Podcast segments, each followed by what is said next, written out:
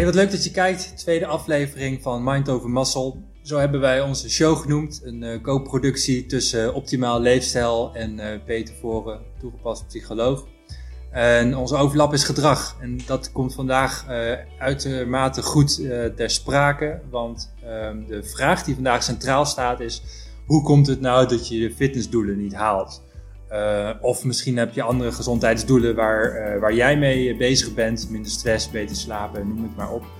Um, vandaag gaan we het hebben over um, het een en ander ja, wat je in de weg kan staan. En um, ja, ik moet zeggen dat ik een heleboel excuses ken. En uit, uiteraard ook zelf heb geprobeerd. ik heb ervoor gekozen om er niet meer in te trappen, maar het gaat niet altijd even goed. Hoe zit dat met jou, eh, Berka? Ja, ik, uh, ik kan. Uh, ik ben daar volledig mee eens. Eén, um, omdat ik mezelf daarin kan vinden ook. Maar ook omdat ik zelf met mensen werk in de praktijk. En dan komt het vaak genoeg voor dat de excuses worden verzonnen, gehanteerd. om uiteindelijk het gedrag wat wordt toegepast om uh, bijvoorbeeld uh, iets op te sturen of iets op dat moment te doen of iets lukte net niet, om dat dan zeg maar goed te keuren. Um, en dat is wel interessant, want uiteindelijk um, ben ik van mening dat als bijvoorbeeld een bepaald doel niet behaald wordt, één, of het dan uh, in het eerste geval wel duidelijk is opgesteld, of het duidelijk helder in beeld is wat uiteindelijk het doel is en of dat wel realistisch is om binnen een bepaalde tijdsperiode te be behalen. Um, dus uh, het is wel van belang om het realistisch te houden. Kijk, uh, 10 kilo afvallen in een week, heel simpel gezegd, dat is niet realistisch. Misschien uh, is het mogelijk in extreme gevallen om te spelen met je vochtbalans of jezelf uit te hongeren, en noem het maar op, om richting die 10 kilo gemakkelijk aan te zitten. Maar of het dan daadwerkelijk verantwoord is voor de lange termijn, ik hoef die vraag denk ik niet te beantwoorden, dat zal zeker nee zijn. Maar uiteindelijk waar ik van mening ben, ehm, is denk ik dat het grotendeels te betrekken is op uh, gedrag. Um, uh, uiteindelijk is het wel van belang dat als er een doel is en als er een doel wordt opgesteld, dat er wel een duidelijk balans is tussen bijvoorbeeld de voordelen en nadelen. Um, om uiteindelijk ervoor te zorgen dat uh, gedragingen die vertoond worden, dat dat uiteindelijk wel een bijdrage levert om daadwerkelijk een bepaald doel te behalen. En dat geldt uh, kijk, nu specificeren we het uh, vooral op uh, het sport-fitness aspect, maar ik denk dat het ook business gerelateerd is of andere aspecten in het leven. Ik denk dat uiteindelijk een duidelijk balans daarin um, en de afwegingen, dat dat wel enorm belangrijk is om daadwerkelijk een doel ook te kunnen behalen. Um, Je hebt het over die, die balans, maar ja. hoe zit die dan in elkaar? In het eerste geval zou ik zeggen dat als iemand niet duidelijk inzichtelijk heeft wat bijvoorbeeld nadelen kunnen zijn, in dit geval um, van niet sporten, weinig aan je gezondheid doen mm -hmm. uh, en de voordelen daartegenover, yes. dan zal iemand bijvoorbeeld niet de uh, besluit nemen om bijvoorbeeld werk te maken om zo vaak in de week te bewegen of te letten op voeding en noem het maar op. Dus uiteindelijk is het belangrijk dat die weegschaal bijvoorbeeld uh, wat zwaarder weegt aan de voordelige kant. Oké, voordelen uh, wegen zwaarder dus als je uh, uiteindelijk bepaalde handelingen verricht, bepaalde werkzaamheden verricht om werk te maken van je gezondheid. Um, en iemand heeft dat overzichtelijk en weet uiteindelijk wat voor bijdrage dat kan leveren aan zijn of haar gezondheid.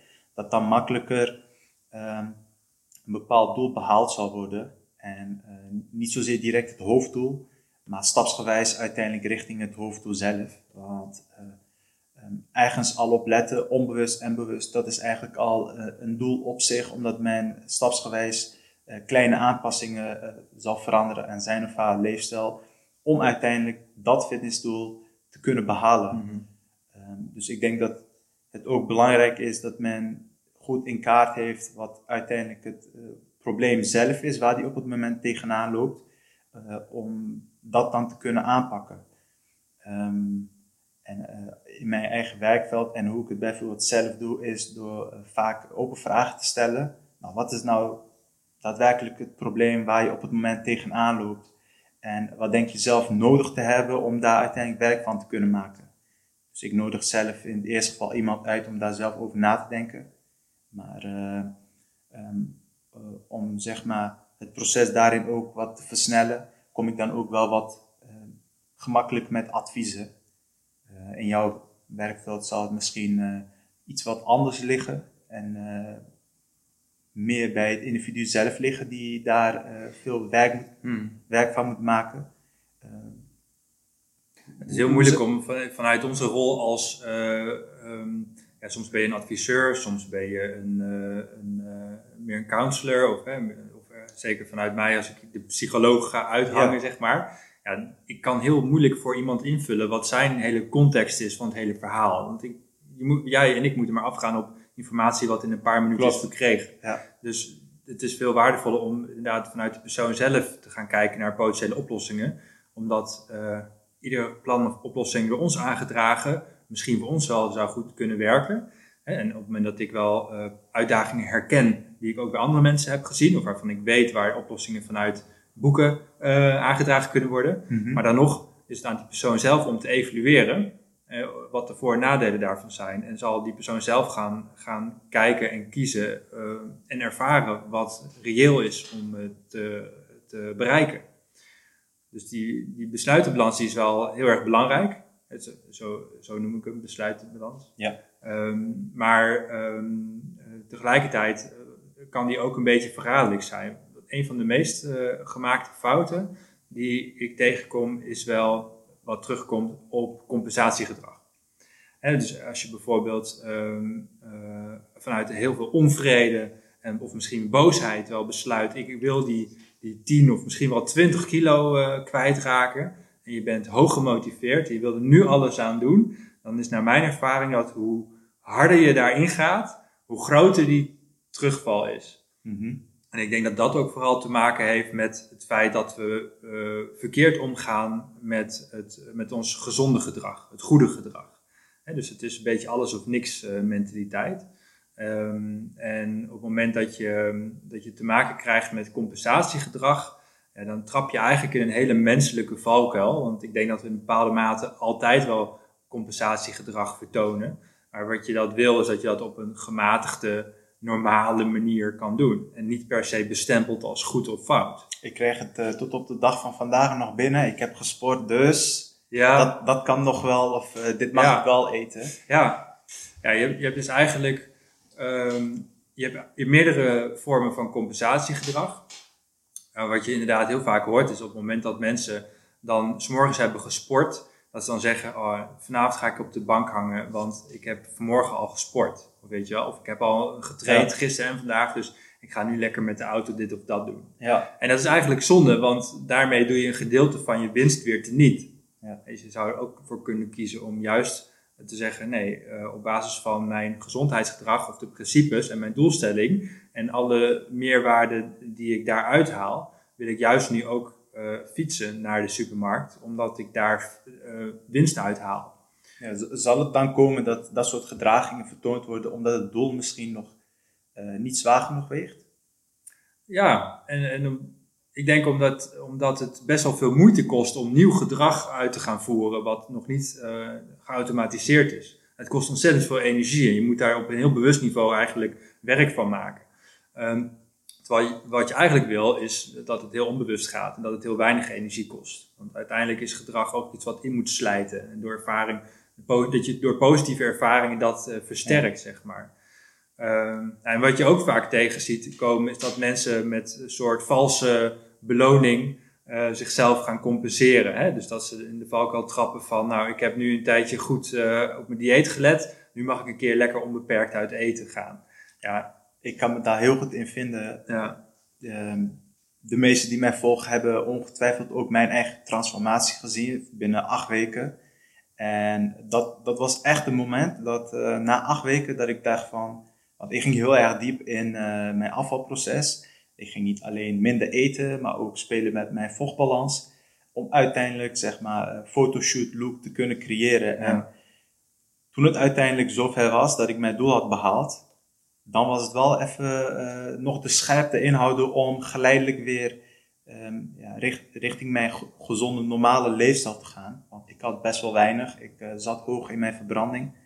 En uh, ik kan me heel goed daarin vinden dat, dat ik dan echt een dag had dat ik dacht van oké, ik heb mijn doel behaald, nu mag ik eten weer wat ik wil eten. En toen sloeg gewoon alle, alle knoppen los en at ik gewoon echt alles bijna wat maar in de kast was. Ja. Al was het maar gewoon een stukje proeven. Ik kan me herinneren die dag nog, ik at een koekje, was niet genoeg. Ik had nog een uh, snoepje, een, een chocoladestukje. Uh, in de koelkast was nog een stukje, klein stukje gebak. Ik dacht van ja, het doel behaald, ik mag nu even. Um, dus het is uiteindelijk denk ik ook belangrijk dat als een uh, doel behaald is, dat er ook een uh, sterke natraject is. Dat uiteindelijk mm. men ook uh, geleidelijk een soort van kan testen of het gedrag wat uiteindelijk eigen is gemaakt, of dat dan ook ehm, sterk genoeg is geïntegreerd in zijn of haar leefstijl. Nou, dat gedrag wat ik toen had behaald, dus vanuit discipline een bepaalde lichaamsverandering eigen maken. Ja, dat wilde ik uiteraard niet voor de lange termijn, omdat het mij veel moeite kostte.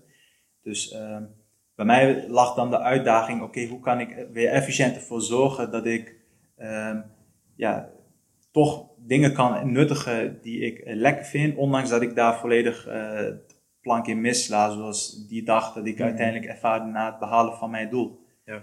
Ehm, dat is wel een belangrijk aspect, denk ik ook, als we het hebben over behalen van doelen, dat er ook een sterk uh, fundament wordt gecreëerd uh, in de vorm van een natraject, nazorg, hoe je het ook wil noemen. Um, zodat uiteindelijk ook goed getest kan worden of uh, het gedrag of um, aspecten die eigen zijn gemaakt, of dat daadwerkelijk ook goed geïntegreerd zijn. Ja. Het is ook goed om um, voor jezelf heel helder te hebben waarom je dingen doet. Klopt. Gedrag wil je vaak op een heel bewust niveau beïnvloeden, uh, maar er zit ontzettend veel onder wat je, wat je daarin mee moet nemen. Op die balans. Hè? Dus je ervaringen, je, je emoties, je gedachten, um, wat voor jou normaal is uh, en wat je omgeving doet. Hè? Dat bepaalt ook voor een groot gedeelte wat je normaal vindt. Maar dat druist vaak een beetje in tegen wat je nu probeert. En je wilt er eigenlijk van afwijken dus er zijn ook uh, krachten die proberen jou weer terug te krijgen in je oude normaal. Mm -hmm. dus het is heel interessant om voor jezelf goed te definiëren wat jouw principes zijn. En wat het verschil is met, wat, uh, met, met je uitdagingen en je omgeving. En hoe je dat gaat proberen vol te houden. Dus ik denk dat de belangrijkste tip is die ik zou kunnen geven, is probeer zoveel mogelijk voor jezelf een helder normaal te creëren, hè, volgens jouw principes, waar jij aan vast wil houden, waarbij je heel duidelijk hebt waarom je dingen doet. Um, en dat je daarin ook, je, zoals jij zegt, je, je valkuilen leert kennen. Ja. En strategieën gaat bedenken om daar goed mee om te gaan. Zodat je voorbereid bent op die, uh, op die tegenslag. Mm -hmm. uh, en voorbereid bent op dat compensatiegedrag of dat valse beloningsgedrag eigenlijk. Ja. Um, want dat zorgt er allemaal weer voor dat je eigenlijk weer teruggaat naar je oude gedragspatroon waar je juist van af wilde. Ja. En ik, denk, ik denk dat dat um, uh, zeker uh, bij het behalen van fitnessdoelen, hè, dus als je lid wordt van een sportschool en je wil afvallen of je wil fitter worden of sterker worden of je spieren laten, ja. laten groeien, wat je doelstelling ook is. Ik heb nooit die extreme interesses gehad. Ik 15 jaar in sportscholen heb gewerkt ook. Maar ik wilde gewoon gezond oud worden. En op zich heb ik, uh, ondanks dat ik nu al jaren niet meer in sportscholen werk, en eigenlijk ook niet meer train al. Maar ik sport nog steeds, bij jou gelukkig. Ja. Daar heb ik, moet toch een, ook een bepaalde verantwoording inkopen. Dus uh, uh, dat werkt voor mij gewoon goed. Want op, mijn, op je eigen houtje dan kan ik dat gewoon niet realiseren op de manier waarop ik dat zou willen. Nou, dat is gewoon een van mijn dingen. Zo, dat weet ik, dat moet ik gewoon organiseren voor mezelf. Anders dan komt het er gewoon niet van. Ja. En, um, maar voor de rest, qua voeding bijvoorbeeld, heb ik vrij weinig moeite om een ja. behulpzame gewoontes uh, eigen te maken. Ja, ik denk dat het ook vooral komt omdat je al behoorlijk wat kennis daarover hebt. Ja, natuurlijk. Dus dat is een, ervaring. Maar, en ik weet ook uh, door, door schade en schande wat niet werkt. Ja. Voor mij, maar ook voor de mensen die ik heb begeleid. Uh, dus je vindt voor jezelf een modus over lange periode van tijd. Dus tegelijkertijd denk ik ook dat het belangrijk is om een beetje lief te zijn voor jezelf met het tegenzit, omdat het best wel een lang, lang proces is. En op het moment dat mensen doelen hadden voorheen, dan zei ik altijd, ja, wat wil je nu bereiken en wat wil je over een jaar bereikt hebben? En dan, dan maakt dat doel stiekem toch iets belangrijker dan het korte termijn doel. Ja. En als je, uiteraard is het leuk om een keertje een periode te hebben van extra resultaat. Mhm. Maar ik denk dat je toch altijd ook wel de stip op de horizon moet hebben. Ja.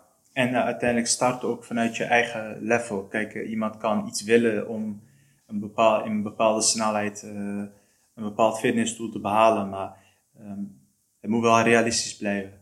Ik bedoel, als iemand een top fitnessmodel wilt worden, maar uiteindelijk daar uh, amper de jaren ervoor trainingservaring heeft opgebouwd met het uitvoeren van be bepaalde bewegingsvormen. Het lichaam heeft ook tijd nodig om te adapteren. Mm -hmm.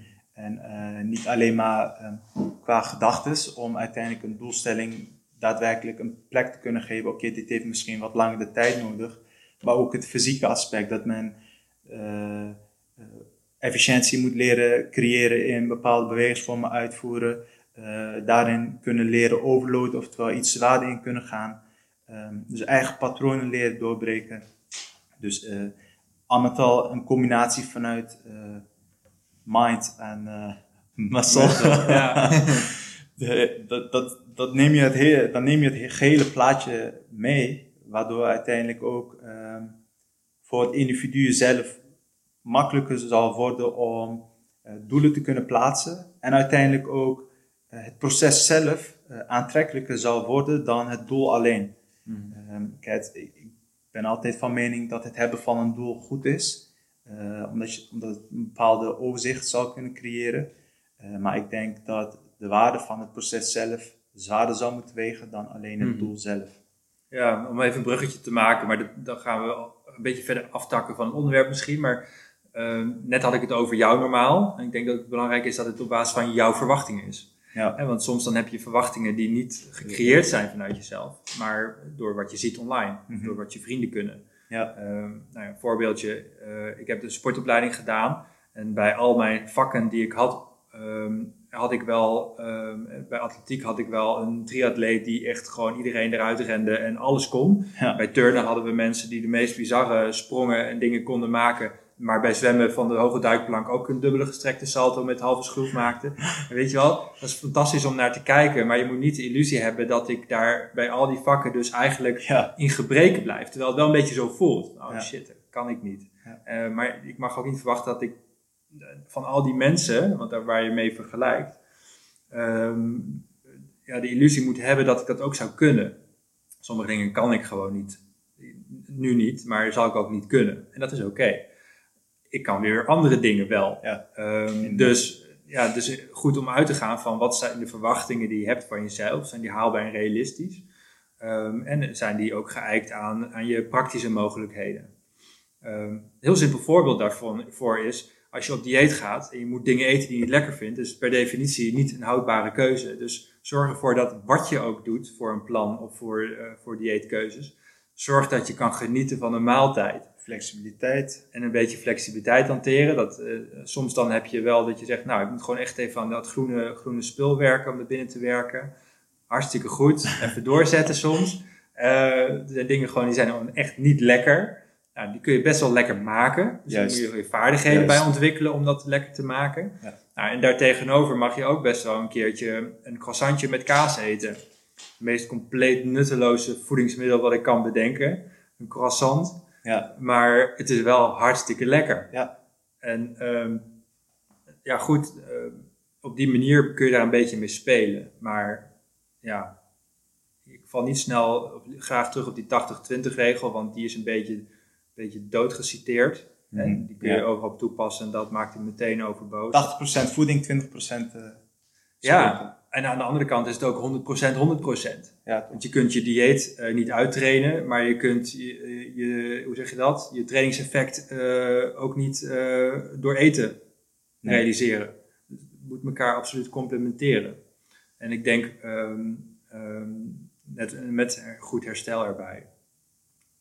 Dus ja, um, samengevat, ik denk dat er behoorlijk wat valkuilen op de loer liggen op het moment dat je iets wil veranderen. En jij zegt terecht, het is heel belangrijk om te weten wat je dan wil bereiken. Daar vul ik graag op aan. Zorg dat je wat je wil bereiken klopt bij, bij wat je kunt en wat, je, wat jij wilt. En niet wat, wat anderen vinden. Juist. Uh, kijk uit voor compensatiegedrag. Dus beloon jezelf met strategieën zoals misschien uh, waardering of trots of een positief gevoel.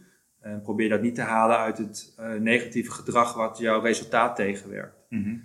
um, en, um, en, dus, um, en de compensatiegedrag uh, hetzelfde. Dus kijk uit dat je niet gaat overcompenseren, dat je te rigoureus gaat handelen, zodat je weer een tegenslag gaat, gaat krijgen. Ja. ja. Ik, ik denk ja, in een notendop eigenlijk duidelijk genoeg het antwoord gegeven op de hoofdvraag. Ja. Dus uh, ja. ik denk dat aflevering 2 hiermee uh, wel geslaagd is om uiteindelijk uh, de hoofdvraag te beantwoorden met ook nog eens duidelijke handvatten. Um, ik weet niet of je al in gedachten hebt wat we in aflevering 3 moeten gaan bespreken. Misschien dat je al vanuit de input die we hebben gedeeld een ezelsbruggetje nu... ja, die is eigenlijk heel makkelijk gemaakt. Wat doe je dan wel om je ja. motivatie hoog te houden? Ja. Het gaat niet altijd van een leien dakje. Ja. Maar er zijn natuurlijk wel strategieën die je ook juist wel kunt toepassen om het voor jezelf net even wat makkelijker te maken. En is er überhaupt wel motivatie? Bestaat dat wel? Ik ben namelijk van mening dat het er niet oh, is. Ik ben benieuwd. Ja, ben benieuwd. Cliffhanger dit. Ja, ja, ja. Tof dat jullie allemaal weer hebben gekeken naar de tweede aflevering. Nou, in de volgende aflevering uh, gaan we wat dieper inzoomen op uh, het aspect motivatie. Um, mochten jullie wat uh, meer vragen hebben over uh, de punten die we in deze video hebben besproken, laat gerust een berichtje achter. Wil je wat meer informatie uh, krijgen over hoe wij te werk gaan? Check onze website, check onze social media kanalen. En tof dat je tot het einde van het filmpje bent gekomen. Heb jij daar nog wat aan toe te voegen, Peter? Nee man. Oké, okay, let's go. Aflevering 3.